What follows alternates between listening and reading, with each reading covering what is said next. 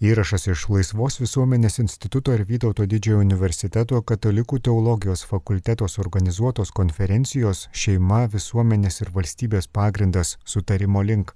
Girdėsite kunigo Algerdo Tolijato pranešimą, kokios būtų partnerystės pasiekmes religijos laisviai ir docento daktaro Pauliaus Čerkos pranešimą, kodėl susitarimas dėl bendro gyvenimo yra geras sprendimas. Sveiki, mėly bičiuliai.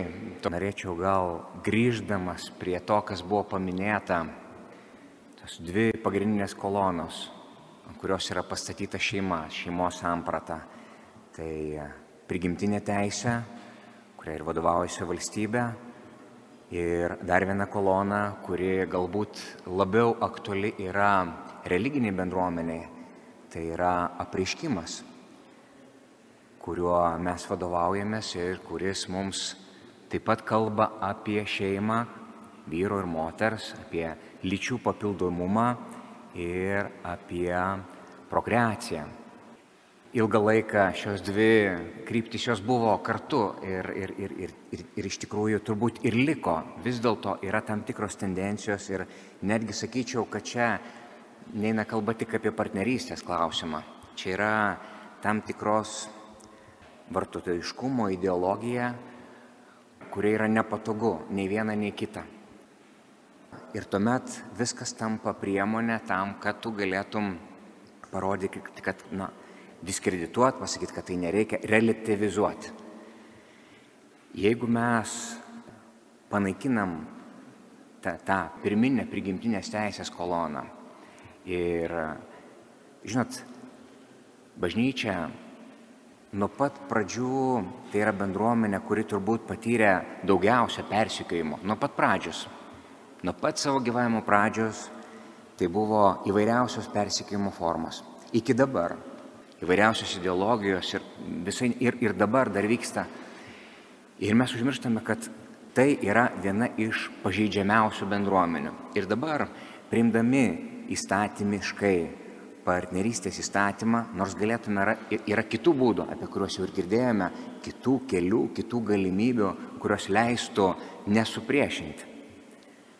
Jeigu mes priemame partnerystės įstatymą, tuo pačiu būdu mes religinę bendruomenę pastatom už įstatymo ribų, nes religinė bendruomenė besivaudovaudama kaip vyru ir moters santokos supratimu jei bus priklijuota ta homofobiška etiketė.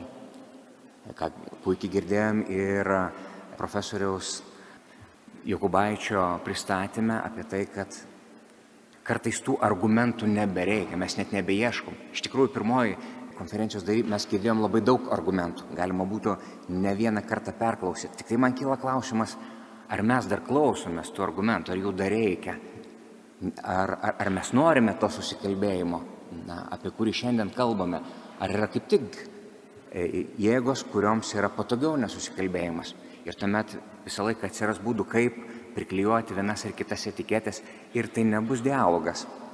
Tai bus tam tikras vieningas monologas ir greunantis su savo, su savo teigiančia gale. Aš turėjau, gal iš tokios asmeninės patirties šių metinio pasisakymo apie tai, kas yra grinai bažnyčios pozicija šeimos klausimų e, vasario mėnesį sukėlė tokią didelę bangą.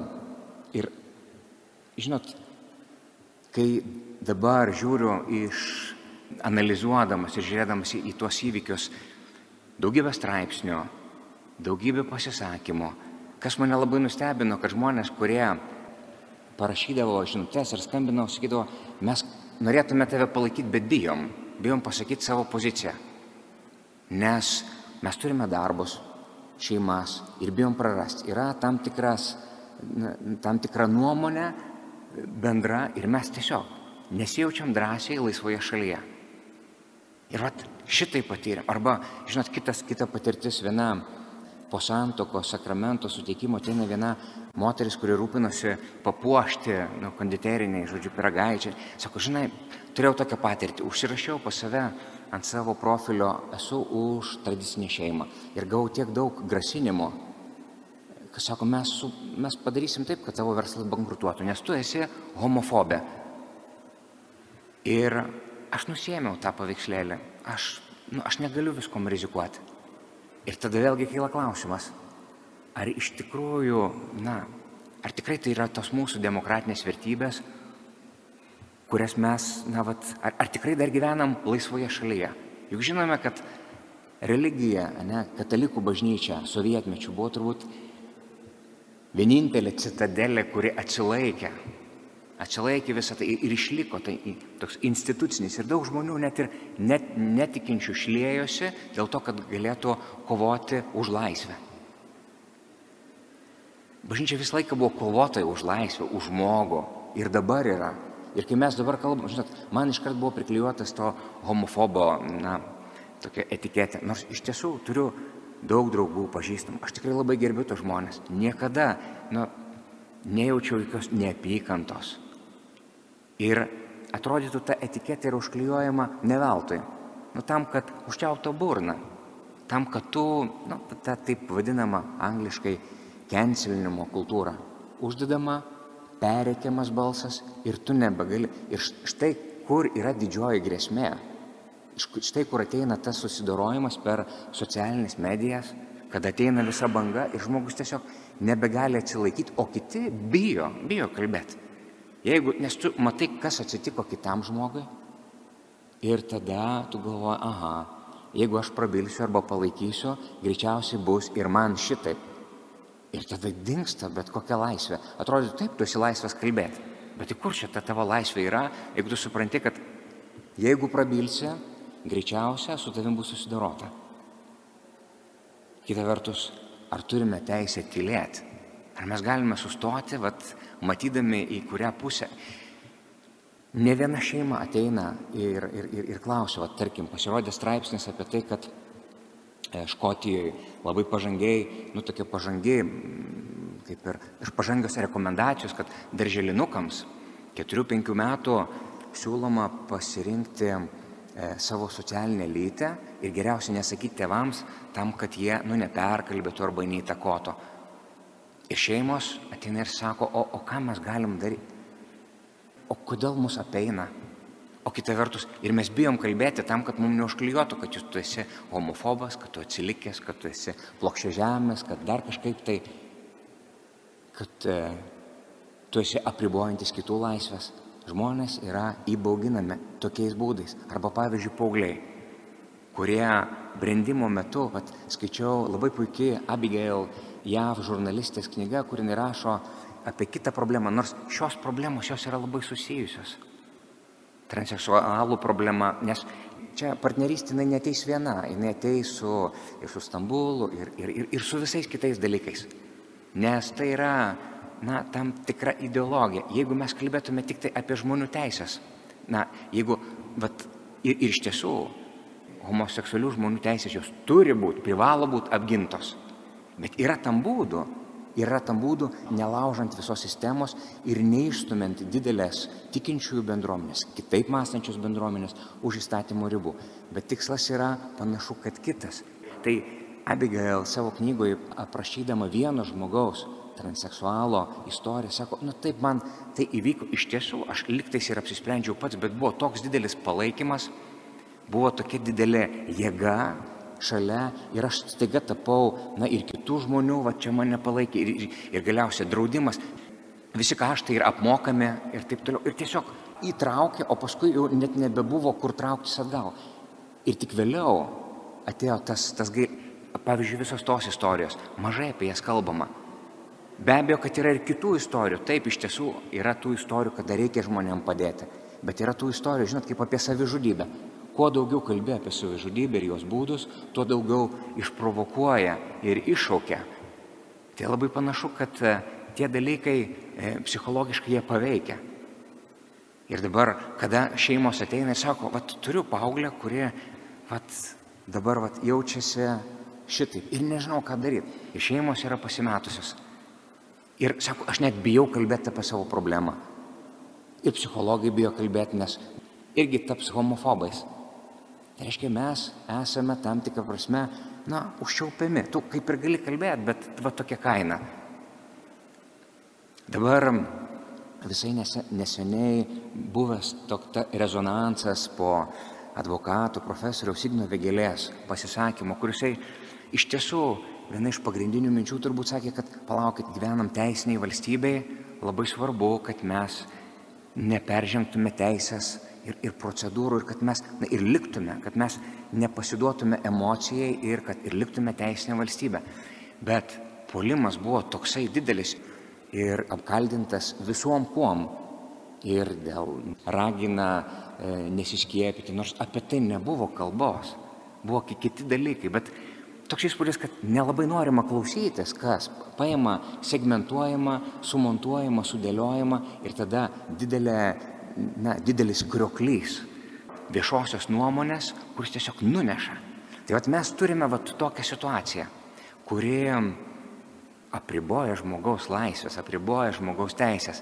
Ir dabar, ką ir profesorius Ignas Vegalė kalbėjo apie tai, kad palaukit, palaukit, kol tai nėra teisiniai sprendimai, Mes negalime taip elgtis teisiniai valstybei. Bet dabar įsivaizduokite, dabar dar partnerystės įstatymas nėra priimtas, ar ne? Ir jau dabar yra klijuojamos tokios etiketės ir, ir, ir elgiamasi pakankamai radikaliai. O dabar įsivaizduokite, kas, kas bus sekantis etapas, kai visat, jeigu visa tai būtų priimta, su kokia gale tai ateitų per švietimą, per E, mediciną, per, per įvairiausias įstaigas, per mokyklas, per šeimas, per įvairiausiais būdais. Ir ar tu galėtum kažkaip tai pasipriešinti? Niekaip. Nes būtų visiškai prieš pastatoma ir netgi tikėtina, kad būtų pa, pa, pa, panaudota jėga. Gal ne iš karto. Žinot, tokie dalykai nevyksta nebūtinai kitą dieną, ar po metų, ar po dviejų, ar po penkių, gal po dešimties metų užauks ir pasakys, ir tai pačiai religijai labai tikėtina, kad taip atsitiks, jeigu priimsime įstatymus, kurie leis teikti, kad krikščionybė yra homofobiška, tai prasidės krikščionybės pirmiausia išstumimas iš viešos erdvės, jos marginalizavimas, nustumimas į pakraščius visiškai ir tikėtina, kad galbūt ir prasidės persikėjimas. Jeigu išgirstume tokį pasisakymą, kaip profesorius Alvydo Jokubaičio girdėjome Amerikoje, jaučiu, kad e, studentai padarytų didelį mitingą ir ne vienas profesorius, kuris drąsiai pasakė savo nuomonę, buvo tiesiog nušalintas ir vadovybė neturėjo kito, kito pasirinkimo, o gal net ir patogu buvo pašalinti tokią nuomonę. Tai ta kultūra, kuri ir, ir mes matom, kas vyksta, kas vyksta Europoje, kas vyksta Amerikoje, kas vyksta Kanadoje. Ta istorija, kad rado vaikų kaulus, iki galo nesiaiškino, kas ten nutiko, kokia buvo istorija, ar ne, kas atsitiko tiems vaikučiams, bet prasidėjo toks fenomenas, kad buvo pradėtos deginti bažnyčios. Realiai. Ir ne viena. Žmonės nelaukia tyrimo daromas linčio teismas. Ima reakcija iš karto. Ir mes turime vat, tokias tendencijas. Tai jeigu mes matome, kaip viskas yra įkaitęs, tas miškų, žinot, tas gaisringumas aukščiausio lygio, vienos tik tai reikia žiežirbos ir užsilepsnos viskas ir užsidegs. Ir mes jeigu pri, vat, matom, ko, kokias tai gali turėti pasiekmes. Vėlgi grįžtu prie krikščionybės, kuri turbūt yra viena iš labiausiai pažeidžiamų bendruomenių ir nukentėjusių ir kenčiančių nuo persikėjimo. Ir psichologinio, ir fizinio. Ir net pas mus tie dalykai vyks. Aš manyčiau, kad galbūt mes netgi per mažai kalbam. Aš kartais netgi sakyčiau, yra ko pasimokyti iš LGBT bendruomenės, kaip drąsiai jie gina savo teisės, kaip drąsiai ima savo vėliavą į rankas ir, ir, ir reikalauja teisų. Reikalauja, kad būtų apgintos teisės.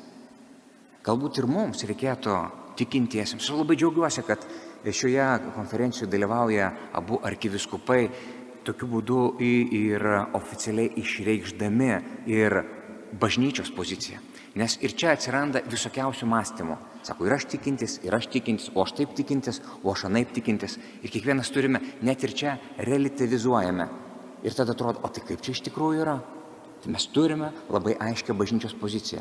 Tu gali tikėti, gali, net, nu, gali palaikyti ar nepalaikyti, bet jeigu ta, tu save identifikuoji su tikinčiųjų bendruomenė, tai va, štai yra ta pozicija, štai yra ta platforma, štai yra mūsų tikėjimo kredas, čia yra mūsų vertybės, čia yra mūsų raudonos linijos. Ir labai svarbu, kad mes jas galėtume apginti, išsakyti, galiausiai gyventi savo vertybėmis. Juk tikinčiųjų bendruomenė nesistengia primesti visiems kitiems, kad ir jūs gyvenkite taip.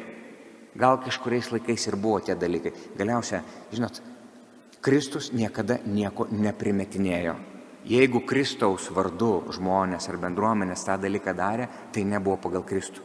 Beje, krikščionybė labai dažnai buvo naudojamas kaip įrankis saviems tikslams pasiekti. Ir to nereikia sulyginti su Kristaus mokslu, nes tai nėra Kristaus mokslas. Čia yra tiesiog, kai tu matai, kad krikščionybė tampa patogus tau įrankis ir tu sieki savo tikslų. Tu nesi krikščioniškos dvasios ir skleidėjas ir negyveni tą dvasę, bet tu naudoji tik kaip priemonę. Tai kiek ten tos krikščionybės yra? Niekiek. Krikščionybė tau yra tik tai. Tai vad atskirkime tuos dalykus, kur yra krikščionybė, kada mes gyvenam Kristaus dvasia ir kur mes tiesiog pasiemam tai kaip įrankį tam, kad siekti savų tikslų. Ir dažnai mes tos dalykus sumaišom ir sakom, o taigi va čia krikščionybė, pažiūrėkit, kaip jie daro. Bet Kristus juk taip nemokė. Labai aiškus Kristaus mokymo linija. Apie tai mes kalbam. Ir mes kalbam, kad leistų krikščionių bendruomeniai gyventi savo vertybėmis. Kad nepersikėtų mokyklose. Bet vėlgi klausimas, net ir katalikiškos mokyklos, ar jos turės teisę išsaugoti katalikų mokymą? Klausimas ar nebus jos nustumiamas ir uždedama, ne, ne, jūs esate homofobai. Neturite teisės šitaip mokyti savo vaikų, o šeimos, ar jos dar išlaikys savo galimybę auklėti savo vaikus pagal savo vertybės. Tai va čia tie didėjai klausimai. Mano didžiausias klausimas - kaip mes apsaugosim religijos laisvę, kaip mes apsaugosim sąžinės laisvę, ir priimdami tuos įstatymus, nu, ar tikrai mes sugebėsime. Be abejo, kad mes turime spręsti homoseksualių žmonių klausimus ir rasti būdus. Ir yra tų būdų, ir yra siūlymų. Bet kaip mes apsaugosime va šitos bendruomenės teisės? Ir vėlgi, jeigu mes pasakytume, kad, na tai va, pabandykim, padarykim, o paskui žiūrėsim. Taip nebus. Kartą sugriovus, paskui sugrįžti bus labai sudėtinga. Mes jau dabar turėtume rimčiausiam lygmenį žiūrėti visas grėsmės, kokios gali būti ir spręsti. Ir tik radę atsakymus, kaip mes tai įspręsim, priimti tam tikrus teisinius sprendimus. Nes teisiniai sprendimai tai jau rimta.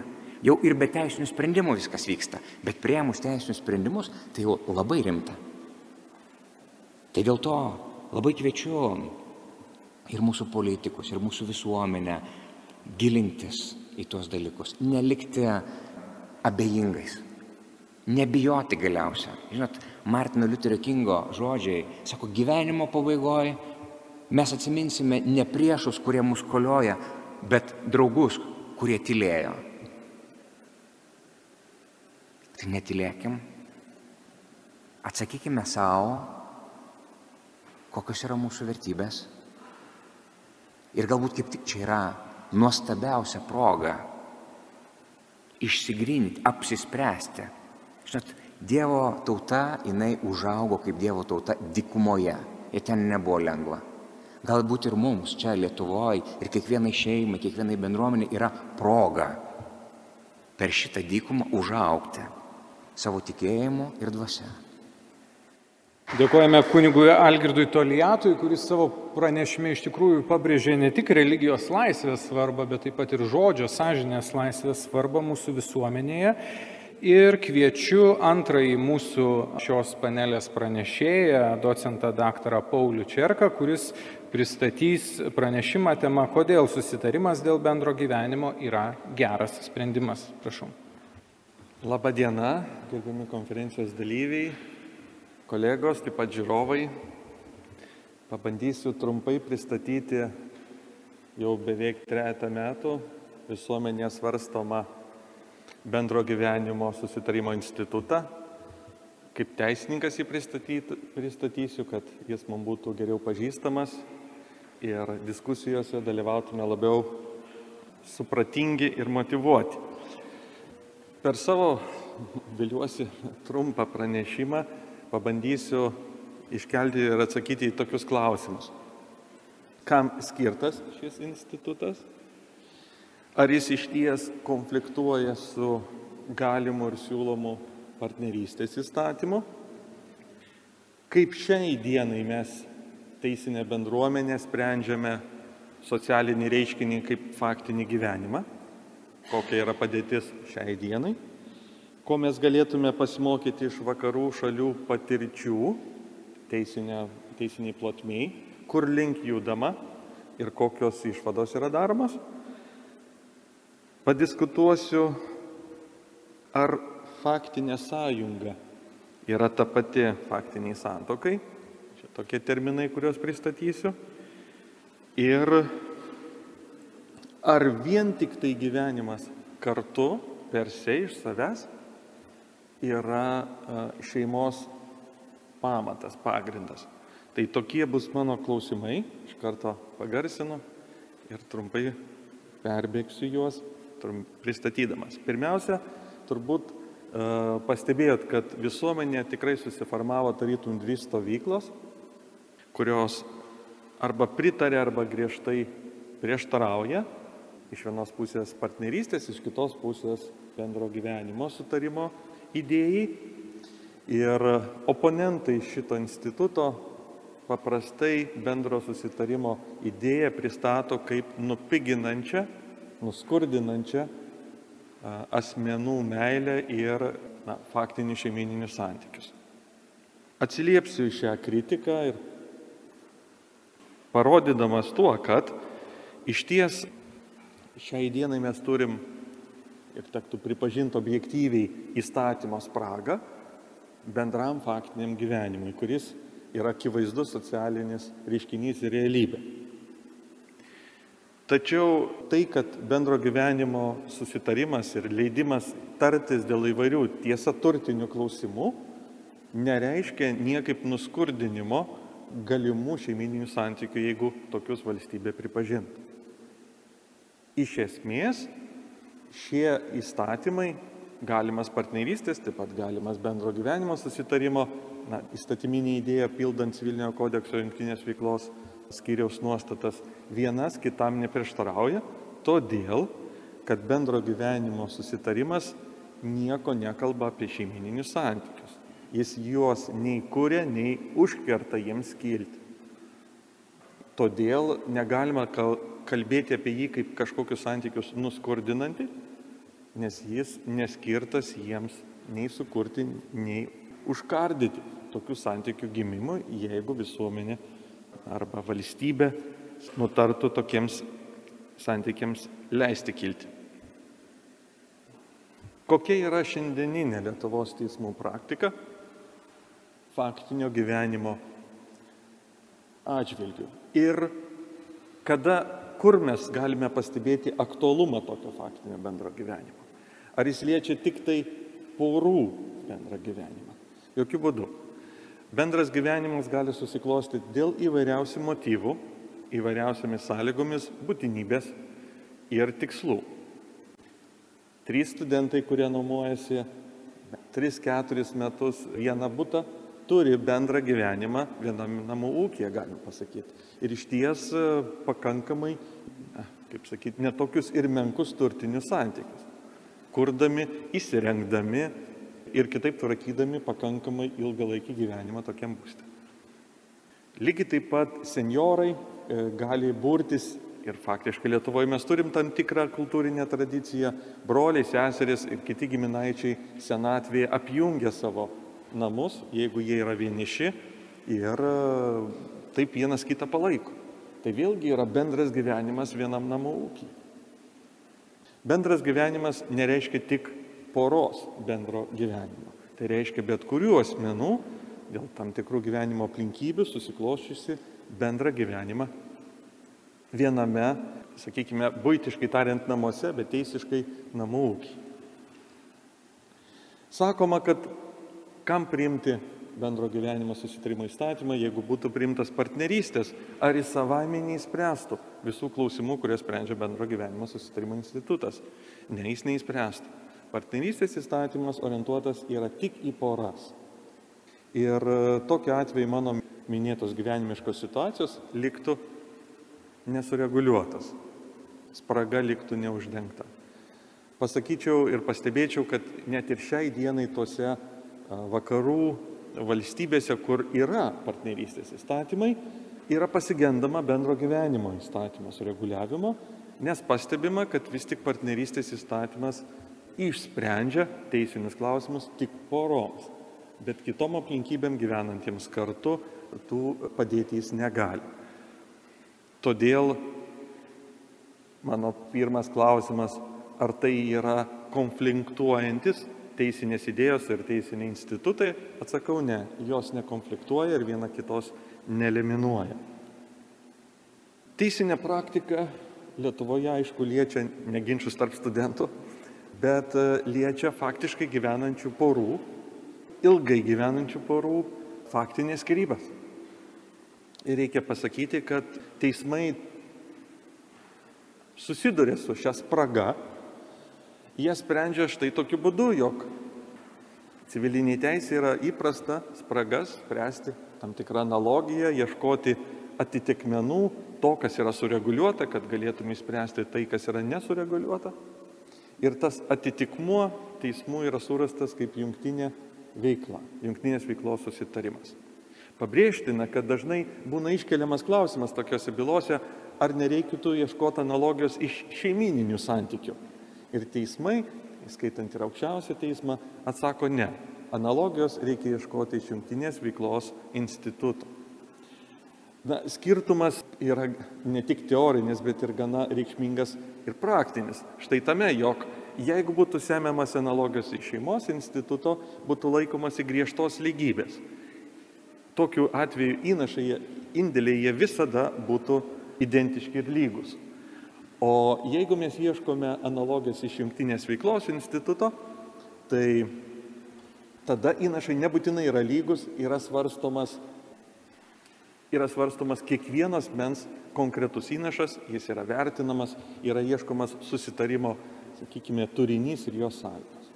Bet ir čia labai svarbus niuansas, kad pats gyvenimas nereiškia susitarimo.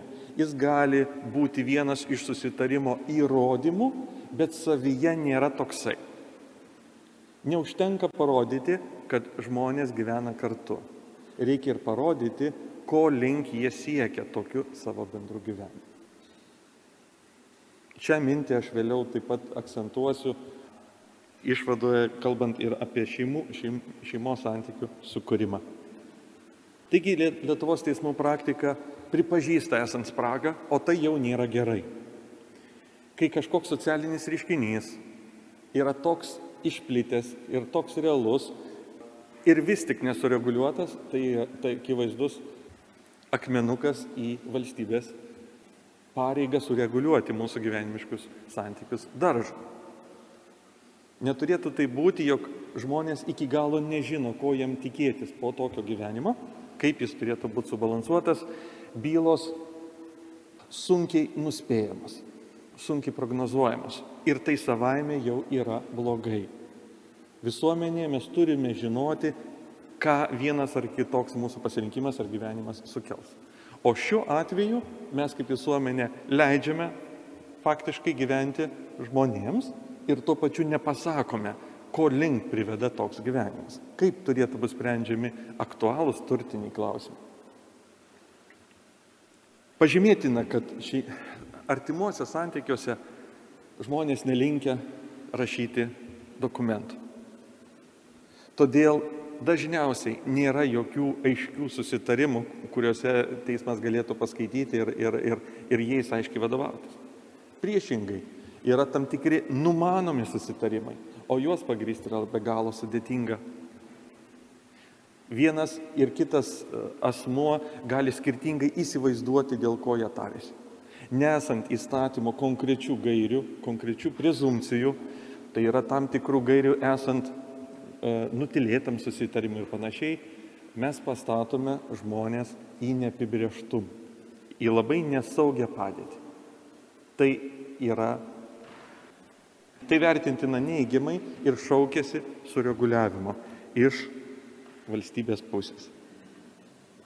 Kokios išvalgos galėtų mus praturtinti, kalbant apie taip vadinamas common law marriages, arba aš išverčiau, na, taip nepažodžiui, bet turbūt paturiniui, de facto santokos, pokyčių esant Kanadoje ir Amerikos valstijose. Kas tai yra ta common law arba de facto santoka?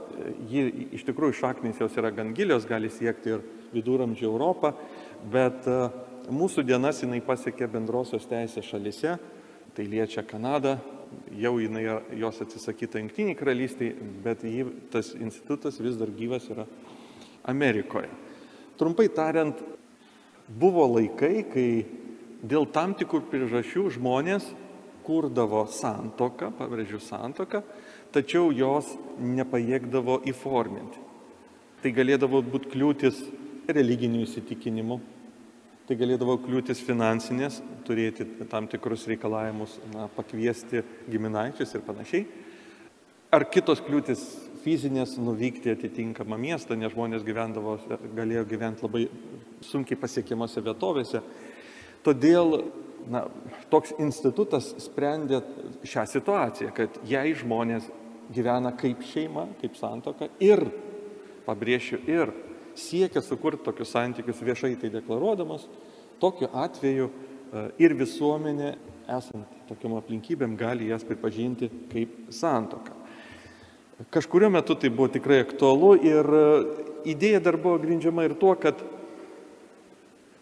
nebūtų, kaip žinia, savo laiku nesantokiniai vaikai neturėdavo paveldėjimo teisų, taigi buvo sprendžiamas ir tas klausimas, tokiu atveju faktiniai santokiai gimė vaikai buvo laikomi santokiniais. Ir buvo siekiama išvengti situacijos, jog tokiai santokai išyrus, ypatingai moters teisų požiūrių, e, buvo rūpinamasi, kad ji netaptų visuomenės išlaikytinė, o tai yra vyras ją turėtų ir išlaikyti taip kaip vyras. Tai tie motyvai buvo pakankamai suprantami 18-19 amžiui.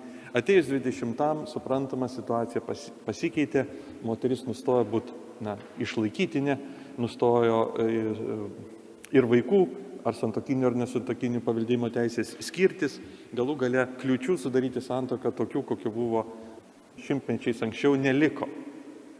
Kažkuria prasme institutas de facto tapo na, nelabai populiarus, vienas kitas žmogus jo pasinaudojo. Bet štai kas atsitiko na, 8-9 metį, kuomet faktinis gyvenimas kartu nesusituokus pradėjo tapti, ypač išplito ir tapo realybė. Žmonės pradėjo bilinėtis. Bylų tapo be galo daug. Staiga toks tarytum senovinis reliktas tapo tarytum visų kasdienybė ir iškėlė nuostabą, kaip tai gali būti.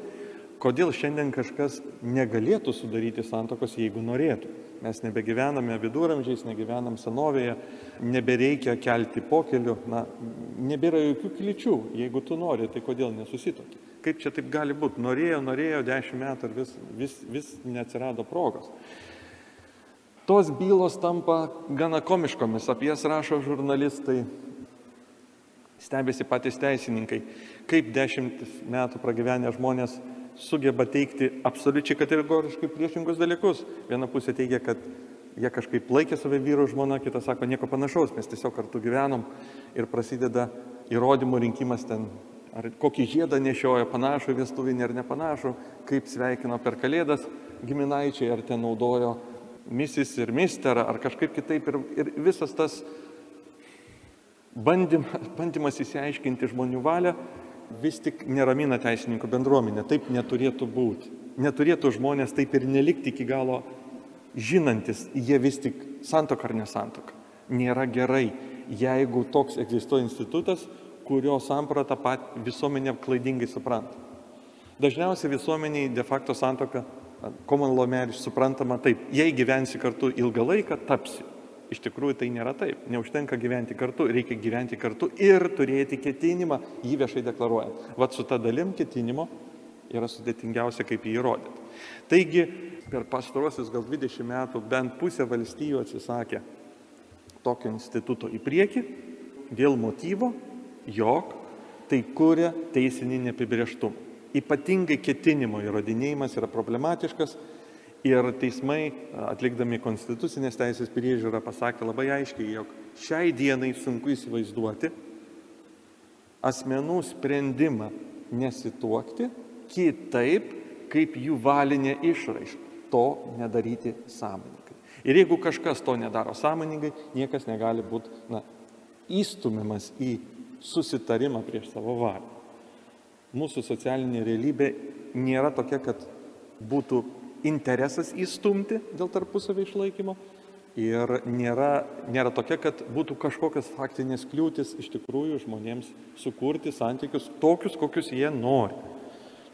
Ypatingai dabar Amerikoje, kai yra pasirinkimas į tiek santoką, tiek partnerystę, įforminti. Taigi nesukūrimas, neįforminimas tokių santykių jau yra aiškinamas tik tai žmonių sąmoningų pasirinkimų, nesusijęti savęs santokos, faktinės santokos, kuri prilyginama ir, ir teisiniai santokai ryšys. Pažymėčiau ir tai, kad iki maždaug 80-mečio Amerikoje ir Kanadoje buvo draudžiama faktiniai porai turėti kitus santykius, kaip tik tuos, kurie yra šeimininiai. Tam pasikeitus, na, kaip ir mes šiandien tapo Junktinės veiklos institutas pritaikomas. Kiek aktualu mums tai? Mums aktualu yra iš tos pusės, jog mes turėtume taip pat nerimauti dėl teisinio neapibrieštumo. Nors mes neturim faktinės santokos instituto, bet mes galim pasimokyti iš to, kad nesureguliavimas, įstatymo spraga, žmonių nežinojimas, kas jų laukia, yra dalykas, kuris turi pirmiausia e, suneraminti mūsų įstatymo leidėjus, kad tą spragą užpildytų. Man liko nedaug laiko, pasirodo, informacijos turėjau daugiau, arba ją lėčiau pristačiau. Šiek tiek e, paskutinės mintis yra apie faktinę sąjungą. Kuo skiriasi nuo faktinės santokos? Faktinė sąjunga yra de facto poros gyvenimas kartu, neketinant įsipareigoti gyventi toliau. Ir reikia pripažinti, kad socialiai iš tikrųjų šiandien egzistuoja ir toks pakankamai didelė mintis porų, kurios sąmoningai nenori įsipareigoti gyventi kartu. Klausimas yra, ar vien gyvenimas kartu tokios poros gali būti kažkaip įspraudžiamas į šeimą ar santoką. Akivaizdu, kad ne, net jeigu jungtinės veiklos sutartymės ieškom valios, tuo labiau mes turime ieškoti valios tokioj faktiniai, tokioj de facto sąjungai. Turi būti valia ilgalaikio gyvenimiško įsipareigojimo, o ne vien tik faktinis gyvenimas. Šitos sąjungos specifiškumas yra sąmoningas įsipareigojimas būti neįsipareigojimu arba nu, neįsipareigojimo elementas. Todėl pats bendraukio turėjimas nėra pakankamas pagrindas šeimai ar santokai susikurti. Pacituočiau keletą konstitucijų, kuomet yra būtent pabrėžima, kad šeima, o ne bendras gyvenimas yra visuomenės pamatas. Labai gražiai yra pasakyta Airijos konstitucijoje, kad valstybė laiko šeimą pirminė ir pagrindinė, natūralia visuomenės lastelė ir moralinė institucija. Būtent šeima, o ne pats bendras gyvenimas kaip toks iš savęs. Jis negali būti pagrindas, turi būti valia ir mes negalime visų bendrai gyvenančių įdėti ar tai partnerystę, ar į kažkokį kitą institutą. Tam turi būti valia. Taigi susitarimas dėl bendro gyvenimo tikrai nesuvaržo teisių, jis nesureguliuoja šeimos, šeimos instituto, jis atliepia mūsų realybę. Jis yra tokia, žmonės dėl įvairių priežasčių gyvena kartu, turi bendrą ūkį, bendrą stogą, bendrus namus. Viliuosi, kad Seimas tą klausimą spręs ir spragą užpildys ir atlieps iš tikrųjų pakankamai aktualų Lietuvos klausimą ne tik poroms, bet ir visiems dėl kitų priežasčių gyvenantiems kartu. Girdėjote docento daktaro Pauliaus Čerkos pranešimą, kodėl susitarimas dėl bendro gyvenimo yra geras sprendimas, ir kunigo Algirdo Tolijato pranešimą, kokios būtų partnerystės pasiekmes religijos laisviai. Įrašai iš Laisvos visuomenės instituto ir Vytauto didžiojo universiteto, Katalikų teologijos fakultetos organizuotos konferencijos šeima visuomenės ir valstybės pagrindas, sutarimo link.